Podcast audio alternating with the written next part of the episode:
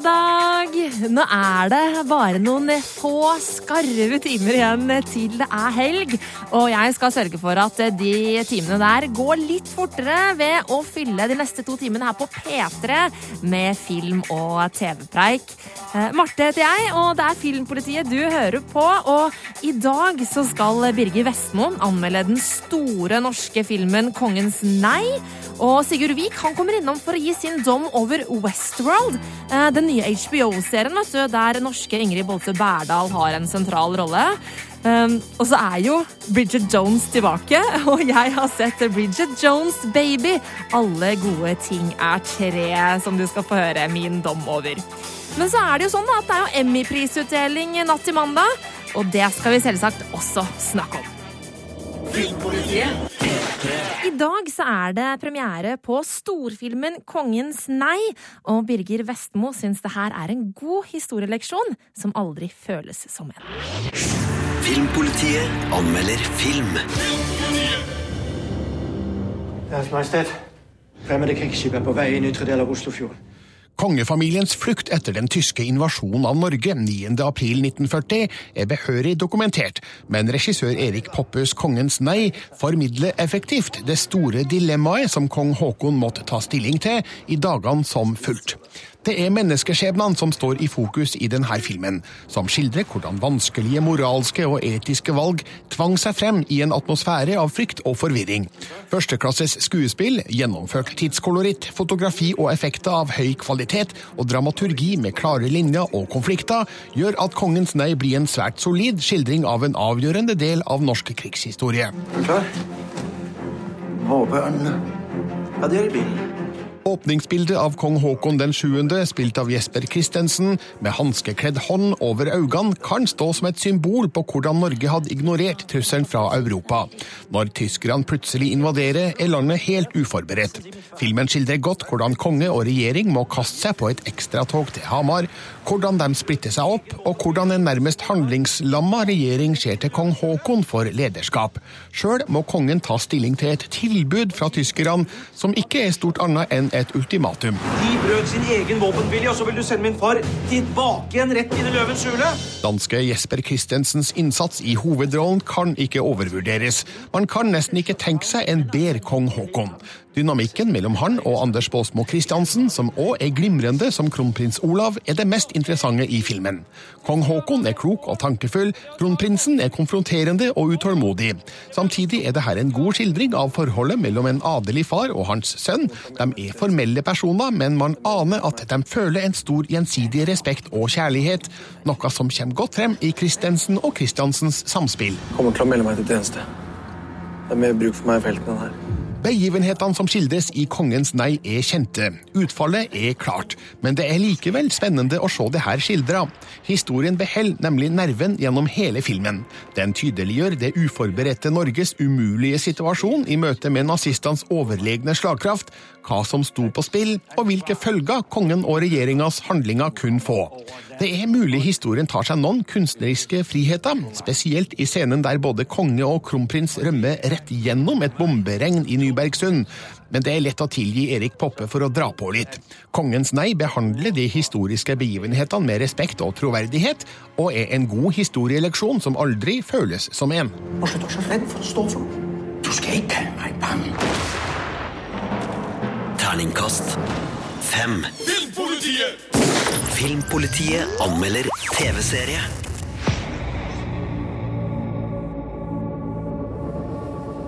Welcome to Westworld. No orientation. No guidebook. All our hosts are here for you. In this world, you can be whoever you want. Are you real? Der hørte vi lyd fra Westworld, en serie vi har venta lenge på, ikke sant det, Sigurd? Å, veldig lenge. Vi hadde den jo på denne serien gleder vi oss til-lista vår i 2015, så tidlig som det, og så har den blitt utsatt en del, og så har den blitt utsatt en del til, og så har det jo liksom vært en av de der virkelig store HBO-seriene, og da snakker vi liksom størrelsesorden Game of Thrones, uh, Deadwood, The Wire, Sopranos, altså vi, vi så at den skulle inn i den kanonen av HBO-serier, enormt budsjett, og så dreiv den og ble utsatt, Ja. men nå, 3.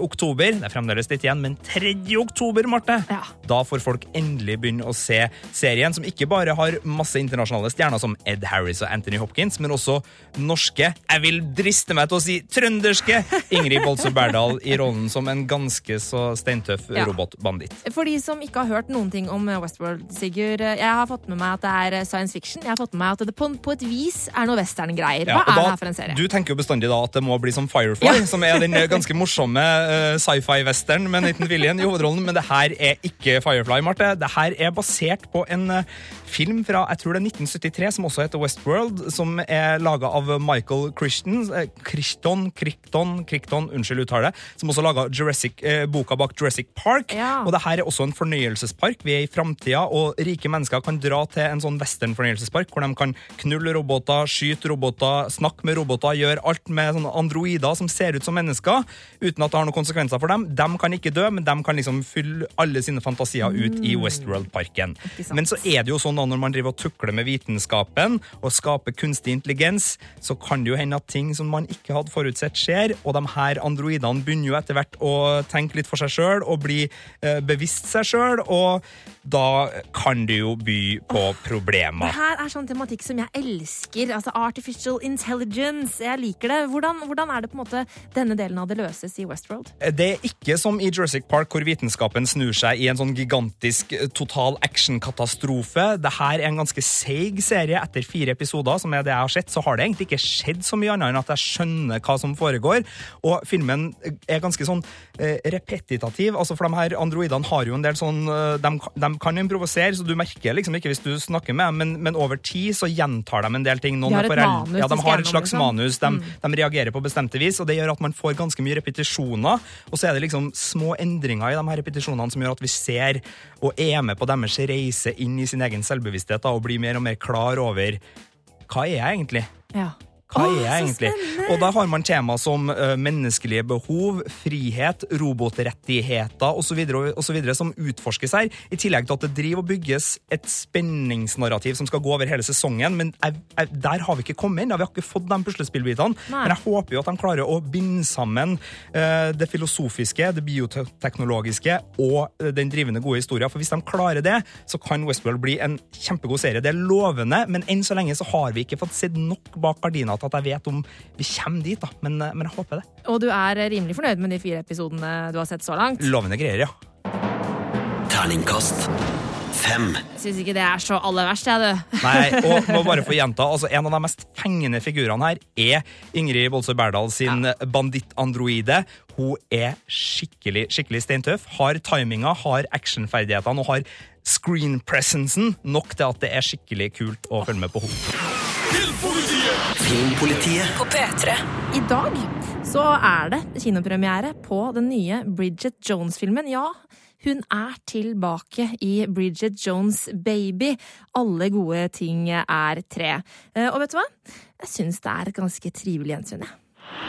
Filmpolitiet anmelder film. So there I was, surrounded by my friends, and all ready for my happy ever after. At least that's how I pictured it. The reality was much more single.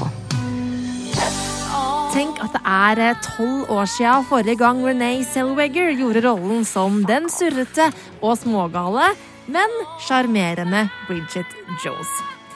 Siden den gang har Bridget rukket å bli 43, Selweger 47 og Colin Firth hele 56 år gammel. Men eh, den lune humoren og Selwegers komiske timing har ikke gått ut på dato av den grunn. Bridget Jones' Baby, Alle gode ting er tre, er nemlig et overraskende trivelig og morsomt gjensyn med vår tullete, dagbokskrivende venninne. Seriously, it's been five years since you broke up with Mark. What you need is some sex. Bridget har blitt tynnere og mer suksessfull i arbeidslivet siden sist, men i kjærlighetslivet har hun møtt veggen nok en gang. Det er slutt med Mr. Darcy, og skjørtejegeren Daniel har forsvunnet i en flykrasj. Når hun en dag møter den amerikanske kjekkasen Jack, spilt av Patrick Dempsey, på en musikkfestival, får hun imidlertid fart på sakene igjen. To one night stands senere, med henholdsvis Jack og sin gamle kjæreste, så er Bridget gravid. Problemet er bare at hun ikke vet hvem faren er. Det er ingen tvil om at forfatter Helen Fielding koker suppe på gammel spiker med Bridget Jones' baby. Nok en gang er vår klønete heltinne på jakt etter en mann å dele livet med, og nok en gang tar hun dårlige avgjørelser som kludrer det til for henne. Men selv om Bridget Jones' baby baserer seg på resirkulert materiale, så koste jeg meg med filmen. Det er trivelig å se Zellweger og Firth tilbake i sine gamle roller. McDreamy passer fint inn i trekantdramaet som utspiller seg, og de tre har en god dynamikk på lerretet. Andre nye rollefigurer gir også filmserien et friskt pust. Sarah Soulmoney er morsom som Bridgets vågale venninne Miranda, og Emma Thompson, som også er med på manussiden, gjør en strålende figur som livstrøtt fødselslege. Good God, Bridget, you're immense! Men best av alle er fortsatt Renee Zellweger. Bridget er fremdeles en artig dame å henge med. I hvert fall for deg som elsker originalen fra 2001. Exciting, isn't it? It's like the final of the X Factor or something. Dial zero one if you wanted to be Mark, and zero two if you wanted to be Jack. Terningkast fire. Ja, et trivelig gjensyn med Bridget Jones, altså. Jeg foreslår at eh, du tar en tur med vennegjengen og ser den her på kino. Så kan dere gå ut og synge karaoke med, med Celine Dion's All By Myself etterpå. Det kommer til å bli en herlig fredag, tror jeg. Filmpolitiet.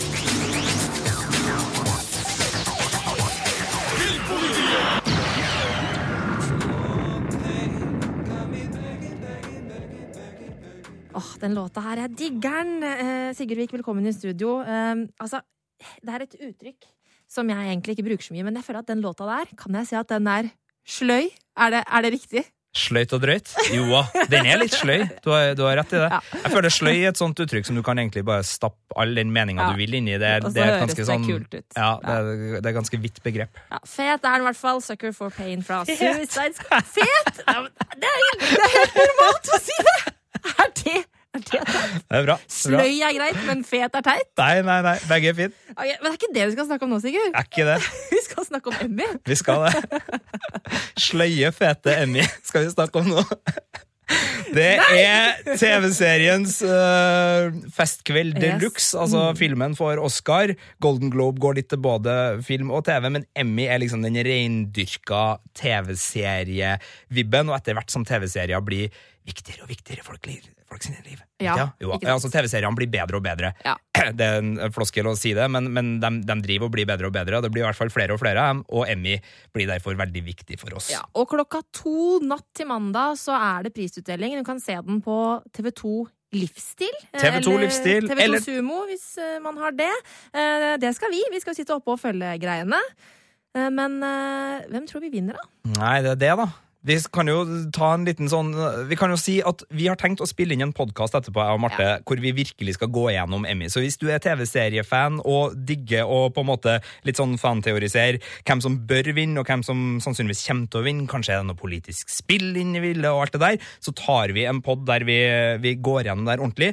Men nå skal vi bare ta de største, og vi kan starte med dramaserie. Ok, La meg først bare si hvem som er nominert i kategorien beste dramaserie. Det er Better Call Saul, Downton Abbey, Game of Thrones, Homeland, House of Cards, Mr. Robot og The Americans. Ja, og det er nesten akkurat de samme seriene som var nominert i fjor. Eh, Da var Orange is the New Black og Mad Men også nominert. De to har gått ut, og så har The Americans og Mr. Robot tatt over plassene. Ja, for det var jo interessant i fjor at Orange is the New Black gikk fra komikategorien over til dramakategorien. Det gjorde det. Men nå har han altså ikke klart å holde seg flytende i den delen og falt ut, rett og slett. Ja, hos M-gjengen så, så mener de at den ikke skal få være nominert. Det var Game of Thrones som vant i fjor, og eh, ja, eh, Orange is New Black er den store på en måte manglende biten her. Mm. Det er klart, det er veldig utfordrende for tida, fordi det er mange serier som både er komedier og dra eh, dramaserier. Transparent er sånn, Louis er nesten litt sånn òg. Det, det er mange. Master of None er litt sånn, og Orange is New Black er litt sånn. Det er artig innimellom, men er ikke egentlig jo sånn dramaserie. Jo. jo. i fjor så var det i hvert fall. Men nå er han altså ute. Men de toene som har kommet inn, da, Mr. Robot og Yes. The Americans, er jo litt sånn fanfavoritter som virkelig fortjener å være der. Og spesielt Mr. Robot. Det må jeg bare si er min favoritt eh, for å vinne kategorien i år, altså. Ja, for vi har jo diskutert litt på kammerset, og du, Marte, og da har vi spurt hvem bør vinne, og hvem tror vi kommer til å vinne. Mm. Og vi var vel begge enige om at Mr. Robot bør vinne det her. Ja. Jeg har ikke sett uh, Downton Abbey sin siste sesong, det må jeg medkjenne, Ja, men du, altså, du har sett den? Ja, jeg elsker jo Downton Abbey. Gråt masse, og det var helt fantastisk. Men eh, for meg så er det så utrolig bakpå å, å gi den til Downton Abbey, selv om den nå har gått sin siste sesong i USA. Nå så er det jo lenge siden den egentlig har gått. Ja. Syns det er rart. Ja, og jeg syns Homeland og House of Cards hadde ok sesonger, både henholdsvis da sesong fem av Homeland og sesong fire av House of Cards, men det var ikke det, var ikke det store. altså Spesielt House of Cards syns jeg ble kjedelig utover. Better Call Saul liker jeg veldig godt, men den er jo litt for de spesielt interesserte. Og det samme kan man si om The Americans, selv om den er mye mer spennende spionserie der. Men I det er vanskelig å komme unna fjorårsvinneren, da. Det er akkurat det. I fjor så fikk Game of Thrones endelig sin pris for beste drama, og det er vel fare for at uh, sluggeren stikker av eh, med seieren igjen. Og jeg elsker jo Game of Thrones på min hals! Uh, men jeg syns nok at det er Mr. Robot som likevel fortjener seieren i år.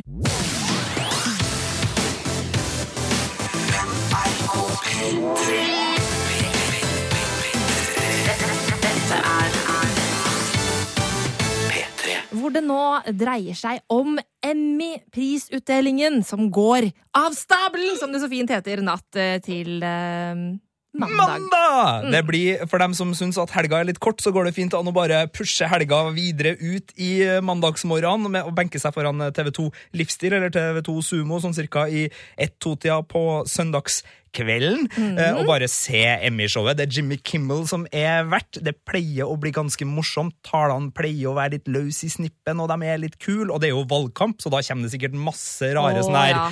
eh, om Trump og om Hillary og masse rart i, i talene. Og kanskje litt sånn kritikk mot bransjen og sånn. Eh, Og apropos morsomme ting, det skal jo da handle om beste komiserie nå. Vi hørte før låta her at vi mente at Mr. Robot burde vinne beste drama, men at vi kanskje tror det er Game of Thrones som stikker av med seieren. Ja. Men på komifronten, da? Eh, Der er de nominerte Blackish, Master of None, Modern Family, Silicon Valley, Transparent, Unbreakable, Kimmy Schmidt og VIP. VIP. Eh, Vip, er det en serie som har vunnet Emmy før? Ja, vant i fjor, ja.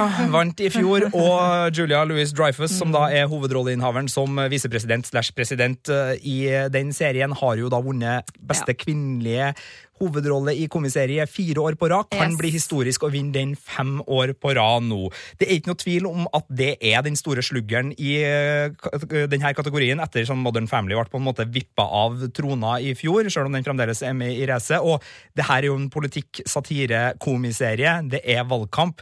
Det er vel ikke utenkelig at eh, den stikker av her, men jeg syns jo Master of None kanskje er den beste av disse. Har vel eh, sett de fleste her, vi. Blackish er også god, men den er litt sånn trygg, da. Litt sånn typisk. Litt som Modern Family og vi på. De er litt sånn her tradisjonelle. Jeg syns jo derfor at Master of None og eh, Silicon Valley og Transparent spesielt er kanskje mer utfordrende og Mm. gode serier, sånn rent personlig. Men eh, ja, jeg tror nok kanskje politikerserien blir Ja. den serien, men, men Aziz Ansari sin Master of None, åh. Ja, altså det Det hadde, vært, hadde vært. så utrolig koselig hvis Master of None uh, gikk av med seieren der, men jeg tror nok at uh, det er som du sier, at det er Vip som får den uh, i år også, altså. Men- Time vil show! Time vil show! Og vi skal selvfølgelig følge Emmy-prisutdelingen eh, natt til mandag. Men du, vi Ja. har en ganske viktig kategori også igjen, som har blitt viktigere og viktigere. Ja, en har- liten kategori egentlig, men som bare har blitt supersvær. Beste miniserie er den der merkelige kategorien som driver og -hmm. endrer seg litt. fordi at nå er det sånn at alle serier som på en måte går i én sesong uten at den blir fortsetta i neste sesong, havner der. Det gjør at serier som har flere sesonger, som f.eks. American Horror Story, American Crime Story, Fargo osv., osv. ikke er med i dramaserie, men havner i miniserie fordi at de har ulike historier i hver setting. Det kan selvfølgelig debatteres. Fargo, for eksempel, er jo linka, men i hvert fall de nominerte American Crime, Fargo, Roots påskekrimmen i Norge The Night Manager og The People, People versus OJ Simpsons American, Cri Simpson, American Crime Story. Det er ikke dokuserien om OJ som går på, ligger på NRK sin nettspiller nå. Det her er dramaserien med Ross Geller, eh, holdt jeg på å si, altså David Schwimmer, John, John Travolta, Cuba Gooding jr. osv. Og det er jo den store snakkisen. altså Det har vært et OJ Simpson-år i USA og for så vidt resten av serieverdenen òg. The People versus OJ Simpson har vært en sånn popkulturell bauta-snakkis i, i amerikansk presse av begge seriene, men også mye takket være den her. Og den har mange gode skuespillerprestasjoner som også kommer til å plukke med seg en del priser. Det er nok den eh, på en måte opplagte. Men hvis du skulle få valgt med hjertet, Sigurd Så hadde Fargo uh, vunnet så det synger etter. Jeg syns Fargo sesong to var noe av det vakreste jeg har sett på TV. Eh, Det var en terningkast seks-anmeldelse her i Filmpolitiet. Absolutt. Men det er mange gode kandidater her. American Crime er den eneste som er igjen fra uh, i fjor, som også var nominert da. Ellers så er alt nytt, så det her er en spennende kategori. Det blir en spennende natt, og hvis du ikke orker å sitte opp hele natta og følge med på dette, så frykt ikke. Vi skal selvfølgelig holde deg oppdatert, sånn at det kommer til å være spekka med vinnersaker og greier og greier når du våkner mandag morgen. Vi skal få det ut på Face og på Twitter og på nrk.no og på Filmpolitiet Ah, sine sider. Og så kommer det en podkast nå i ettermiddag for dem som følger Filmpolitiet sin podkast, som er via der jeg og Marte nå skal sette i gang og skravle masse om Emmy, der vi også skal ha med skuespillere og mye forskjellig, og litt teorier og den slags. Så hvis du er gira på det her, så sjekk ut podkasten til Filmpolitiet i ettermiddag. Filmpolitiet. Dette er P3. I dag så er det kinopremiere på filmen Hands of Stone. Eh, For Rob Roberto Duran fra Panama han er en av tidenes beste boksere. Eh, Og i dag da så har filmen om hans kronglete vei mot verdensmestertittelen premiere. Eh, Og Birger Vestmo han syns at Hands of Stone er aller best når det bokses. Filmpolitiet anmelder film. In 66 seconds, Roberto Duran changed my life. Bokseren Roberto Duran fra Panama hadde kanskje en kronglete vei mot verdensmestertittelen, men filmen om hans liv og karriere går langs en tryggere rute. Scenene fra bokseringen er energiske og kraftfulle. Livet utafor ringen skildres med klisjébetonte konflikter med melodramatiske såpetendenser. Hands of Stone er godt spilt og solid regissert, men det er likevel tydelig at Durans liv ikke lar seg koke ned til under to timers spilletid uten å ta flere merkbare snarveier. I want you to meet the best trainer in the history of boxing, Ray Arcel. I don't need no advice from America. Roberto Duran vokste opp i fattige kår i et Panama prega av den USA-eide kanalen gjennom landet. Han slår seg opp i livet, bokstavelig talt, og blir oppdaga på 1970-tallet av den legendariske boksetreneren Ray Arcel, spilt av Robert De Niro. Sammen sikter de mot verdensmestertittelen, men Robertos stormfulle personlighet forårsaker problemer, både profesjonelt og privat. You can help him, Ray. You can make him a champ. Regissør Jonathan Jakubovic gjør en god jobb med å beskrive bakteppet for historien, der Durans vei fra fattigdom til toppen av bokseverden går parallelt med kampen for tilbakeføring av Panama-kanalen, som var i USAs eierskap frem til 1999. Historien blir sett gjennom Ray Arcells øyne, rutinert spilt av Robert De Niro, mens Edgar Ramirez makter å spille Roberto Duran troverdig over et bredt tidsspekter. He grew up in the streets, fought. Filmen lever best når Durans høydepunkter i bokseringen skildres. Som vanlig i boksefilmer er hvert slag en fulltreffer. Det her er altså ikke nødvendigvis autentisk, men det er spennende og medrivende. Durans kamper utafor ringen er ikke alltid av det beste slaget. Konfliktene med kona er kun omriss av ekte liv, og er så kjapt unnagjort at det nesten føles bortkasta. Også Ray Arcells privatliv blir forsøksvis beskrevet, bl.a. med en mafiaforbindelse og en ukjent datter, uten at det her føles verken nødvendig eller interessant. Should fight no one but me. 39 år gamle Edgar Ramirez gjør en overbevisende jobb i hovedrollen med å fremstille en gatesmart mann med en tøff innstilling, god fighting spirit og høye ambisjoner, men med mindre gode egenskaper til å takle mellommenneskelige forhold. Det ser vi spesielt i den interessante tvekampen som etter hvert utspiller seg mellom Duran og en annen bokselegende, nemlig Sugar Ray Leonard, overraskende godt spilt av artisten Usher. Hands of Stone matcher kanskje ikke Rocky, Creed og Raging Bull, men er for det meste en sympatisk og vellaga film om en karismatisk figur. Terningkast fire. Det var Birger Vestmo som anmeldte Hands of Stone. Og hvis du som hører på har lyst til å lese flere filmanmeldelser av ukas kinopremierer, så klikker du deg inn da, vet du, på p3.no skråstrek filmpolitiet. Filmpolitiet. Does that sound good to you? På P3. Og nå skal det handle om nyhetene fra uka som har gått. Sigurd Vik, velkommen inn i studio. Takk for det. Eh, det er jo sånn at vi liker å prate om eh, filmspill og TV-serier. Vi gjør det. Ja, og derfor følger vi med på nyheter. Og vet du hva den første nyheten handler om? Nei? Den handler for så vidt både om film, spill og åh, TV-nyheter. Ja, det her er en eh, TV-serie som har blitt til film, og som har blitt til spill. Screw you guys! Jeg får ikke en god kart med. Men South Park kom tilbake til skjermen med sin sesong 20 i går. Gikk på Comedy Central den. Det eh, skal vi ikke ja, Vi skal ikke spoile noe derfra, eh, men fanteoriene har allerede kommet, og det handler vel litt om valgkamp, ja. Satireanimasjonsserien er jo gullegod, og vi har jo gleda oss, eller jeg har gleda meg sykt til spillet The Fractured Butthole, eller The Fractured Butthole, hvis man skal eh, la være å være eh, ekkel med, med rumpehull og, og analkollaps og sånne ting. Men det skal man ikke. Det, det, ja, nei, det, vi kan godt si analkollaps på, på filmpolitiet, kan ikke vi? Ja, jeg, regner med det i oversettelsen. Det vet jeg ikke. Hvis det er noen leger der ute nå, arrester meg gjerne. Men eh, det spillet skulle komme i desember. Jeg har gleda meg som den ungen jeg er. Men gamer.no melder nå at det blir utsatt til kvartal 1 2017. Åh. Men du, Sigurd, Ja. da kan du jo kose deg med sesong 20 mens du venter. Jo, men jeg skulle jo gjøre begge deler, Marte. Jeg skulle jo både kose meg med sesong 1 til 20, inkludert da 20. Eh, og det er jo så kult, for at South Park uh, starta jo i forrige sesong med å ha litt sånne røde tråder som går over hele sesongen, og ikke bare enkeltepisoder. Mm. Så, så jeg er veldig spent på om de viderefører det nå. Det er litt sånn trist i, i spillverdenen den uka her, altså, med andre ord. Fordi at eh, Chris Metzen, uh, han slutter i Blizzard. Og for de som ikke kjenner til han, så er det en mann som har vært med i Blizzard i 23 år! Det er han som på en måte står bak loven, altså sånn der historien og sånn, i eh, serier som Warcraft, Starcraft Diablo. En svært viktig fyr. Og han slutter nå, altså. Eh, og det som er litt sånn interessant, er at eh, i sommer så var det flere andre sjefer i Blizzard som slutta, eh, og de har starta et eh, nytt spillselskap, eller skal starte et nytt spillselskap. Eh, men Metzen sier nå at han eh, skal virkelig liksom pensjonere seg. Han skal ikke gå videre med noe nytt spillstudio eller noe som helst sånt. Han har jobba så hardt i så mange år at han rett og slett skal retire and get fat. Uh, fatter, som han eh, selv skrev.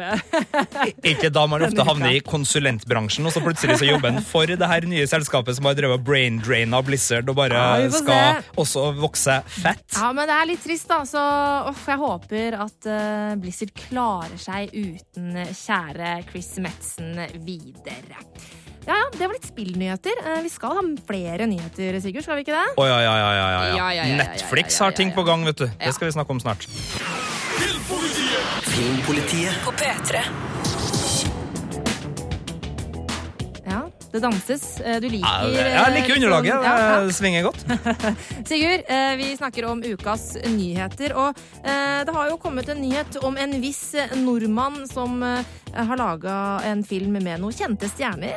Eh, Ja. eh, Det er sånn at vi har lenge gått og venta på en eh, film fra Tommy Wirkola her Yes. i eh, Filmpolitiet. What Happened to Monday er en sci-fi-film som eh, eh, regissøren av tidligere, sånn som Død snø, Død snø 2, Kill Buljo osv. har laga. Litt eh, annen estetikk fra han her, med Naomi Rapace, er det riktig å si? Naomi Rapace, tror jeg. Ja, Eh, den svenske stjerna fra um, Stig Larsson-filmatiseringene. Eh, Og uh, den alien-filmen som heter uh, P- P- Prometheus! Det er bra. Takk til Marte Det er- Henstad. Det er litt fredag i dag. Det er litt fredag nå, fredag, merker ja. jeg i hodet mitt. Men i hvert fall, den filmen der plottet på en måte er et framtidssamfunn Mm. hvor du bare har lov til å ha én unge, og så Er skal det Naomi selvfølgelig noen spille som ja. får syvlinger? Selvfølgelig Na Naomi det skal spille syv stykk av seg sjøl. Så den, den gleder vi oss til. Og nå kommer beskjeden fra Variety om at Netflix har skaffa seg eller er i forhandlinger om å skaffe seg rettighetene til å vise den her, i hvert fall i USA, og kanskje på, på flere andre arenaer. For den har blitt vist i filmfestivalen i Toronto, var det vel, hvor uh, de har sett den og, og gjort det her innkjøpet. Ja, og jeg Også, tror det var fem millioner dollar. Mil- ja, det var noe sjusifra tall, Ja, okay. eh, så ja. der skal ikke vi si for mye. Men jeg håper jo det betyr at uh, ja, den kommer på Netflix rundt om i verden. Jeg håper også at den kanskje får norsk kinopremiere. ja, Det hadde jo vært veldig Ja. fint. Så håper den kommer på kino også. Ja, men veldig det- kult at den også dukker opp i Flix. Ja, men litt kjipt òg at den ikke kommer på kino i det store utland, eller? Ja, Hvis den ikke gjør det, så er det, det er kjipt. Men forhåpentligvis så får den litt av begge verdener. Men det her er for avansert eh, filmøkonomi til at jeg tørs å vite uh, så mye mer. Vi er i hvert fall spent på What Happened to Monday, men eh, vi skal over til en annen Netflix-serie, Sigurd. Jeg så faktisk, jeg må bare innrømme det, bare første sesong av Bloodline. Ja, og det var jo veldig smart av deg, for Bloodline er jo en av de gode Netflix-seriene som hadde en veldig god første sesong. Handla om en familie i Florida. Så kom sesong to. Den var litt kjedelig, fordi mye av det som var veldig spennende, hadde blitt på en måte avslørt og var ferdig i sesong én. Ja. Og nå har beskjeden kommet. Det blir en sesong tre, og så blir det slutt med Bloodline. Det er eh, i hvert fall bra at de ikke drar det noe lenger, for jeg må ærlig innrømme at jeg syns sesong to var i langdrygeste laget. Men da får vi håpe at det de gir en ordentlig avslutning, da. Go out in the blaze of fire! Eller noe sånt, ja. Ak- Akkurat sånn. For at det, akkurat det passa veldig godt inn i Bloodline-universet. Strandserie fra Florida, sier de? Jo da, men det var litt uh, mord og sånn Ja, òg. eh, Blade, Blaze of Fire. Det kan passe kanskje eh, bedre til det vi skal over til nå. Ja. Star Wars kommer med en ny film i år.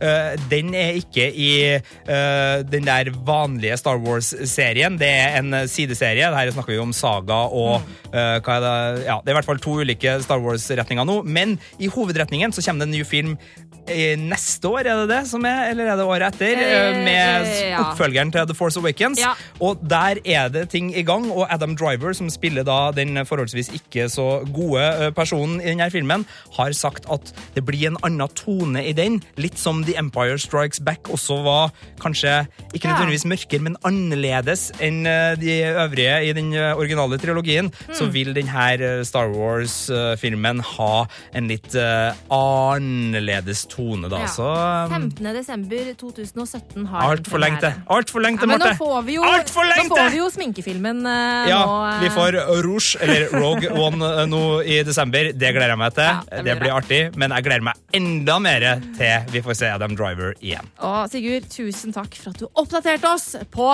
ukas nyheter. Filmpolitiet.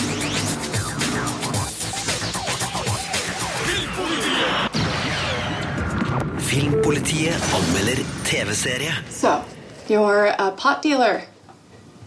What's that like?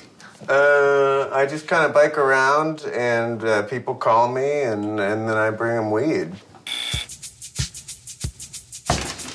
Hey! Hold the door. Sorry. Thank you. Sigurd Vik, velkommen i studio igjen. Eh, High Maintenance hørte vi lyd fra her. Ny serie fra HBO, eller? På en måte. Det her er en serie som har gått i seks sesonger, så vidt jeg husker, på Vimeo, altså strømmetjenesten der. Ja. novelleserie om en skjeggete pottdealer som sykler rundt i New York og selger potten sin. Det er på en måte det eneste som går igjen i hver episode. Ellers så er det litt sånn nye folk, stort sett da i hvert fall nye folk. Det er noen gjengangere, men det er nye folk og nye historier hver gang, i litt sånn novelleformat i litt ulik lengde. Sånn har det vært. Så har HBO kommet på banen sagt Hei! Dette vil vi få på. Dette vil vi få på, så nå er det laga seks uh, halvtimesepisoder, og den er da oppjustert, denne filmen. Men det er samme folkene som lager den, samme fyren som spiller The Guy, som han heter da, han uh, syklende pottselgeren her, og, og, mye av samme castinga som går igjen. Så det, så det, er mye det samme. Så hvis du har digga High Maintenance som kort webserie, så er det nok god sjanse for at du kommer til å kjenne igjen i hvert fall mye ja. av det du har likt. Uh, for du har sittet og sett på inne på kontoret her, så har du sånn vist meg litt sånn, se på det her, se på det her. Så det virker som at du syns det er mye artig og trivelig og ute og går her? Ja, det her er jo, hvis man skal være litt cheesy, et slags uh, pottnovelleeksperiment uh, HBO driver med. Uh, det er masse nydelige scener her. Det er veldig sånn indie i, i, stilen, med flott musikk, uh, såre motiv, ektefølte situasjoner. Og det er ikke noe sånn dømmende mot uh, pottrøyking. Det er ikke pottrøyking som en gimmick, men du skjønner liksom hvorfor ulike folk røyker. Uh, alt fra sørgende til festglade tenåringer til swingers-ektepar til gamle menn som vil på morgensreiv. Altså, det, det, er veldig sånn menneskelig og fin, men den er også eksperimentell, og av og til så blir det litt for kjedelig og litt for fancy i formgreia å følge et hundeperspektiv i ganske mange minutter. Da mister de meg lite grann. Ja. Men på sitt beste glimrende. På sitt verste Og da ender vi på Terningkast fire. Og High Maintenance det ser du altså på HBO Nordic. Det begynner å gå i morgen. Eh, det her skal jeg få med meg, kjenner jeg. Filmpolitiet! Filmpolitiet på P3. Hør flere podkaster på nrk.no podkast. P3.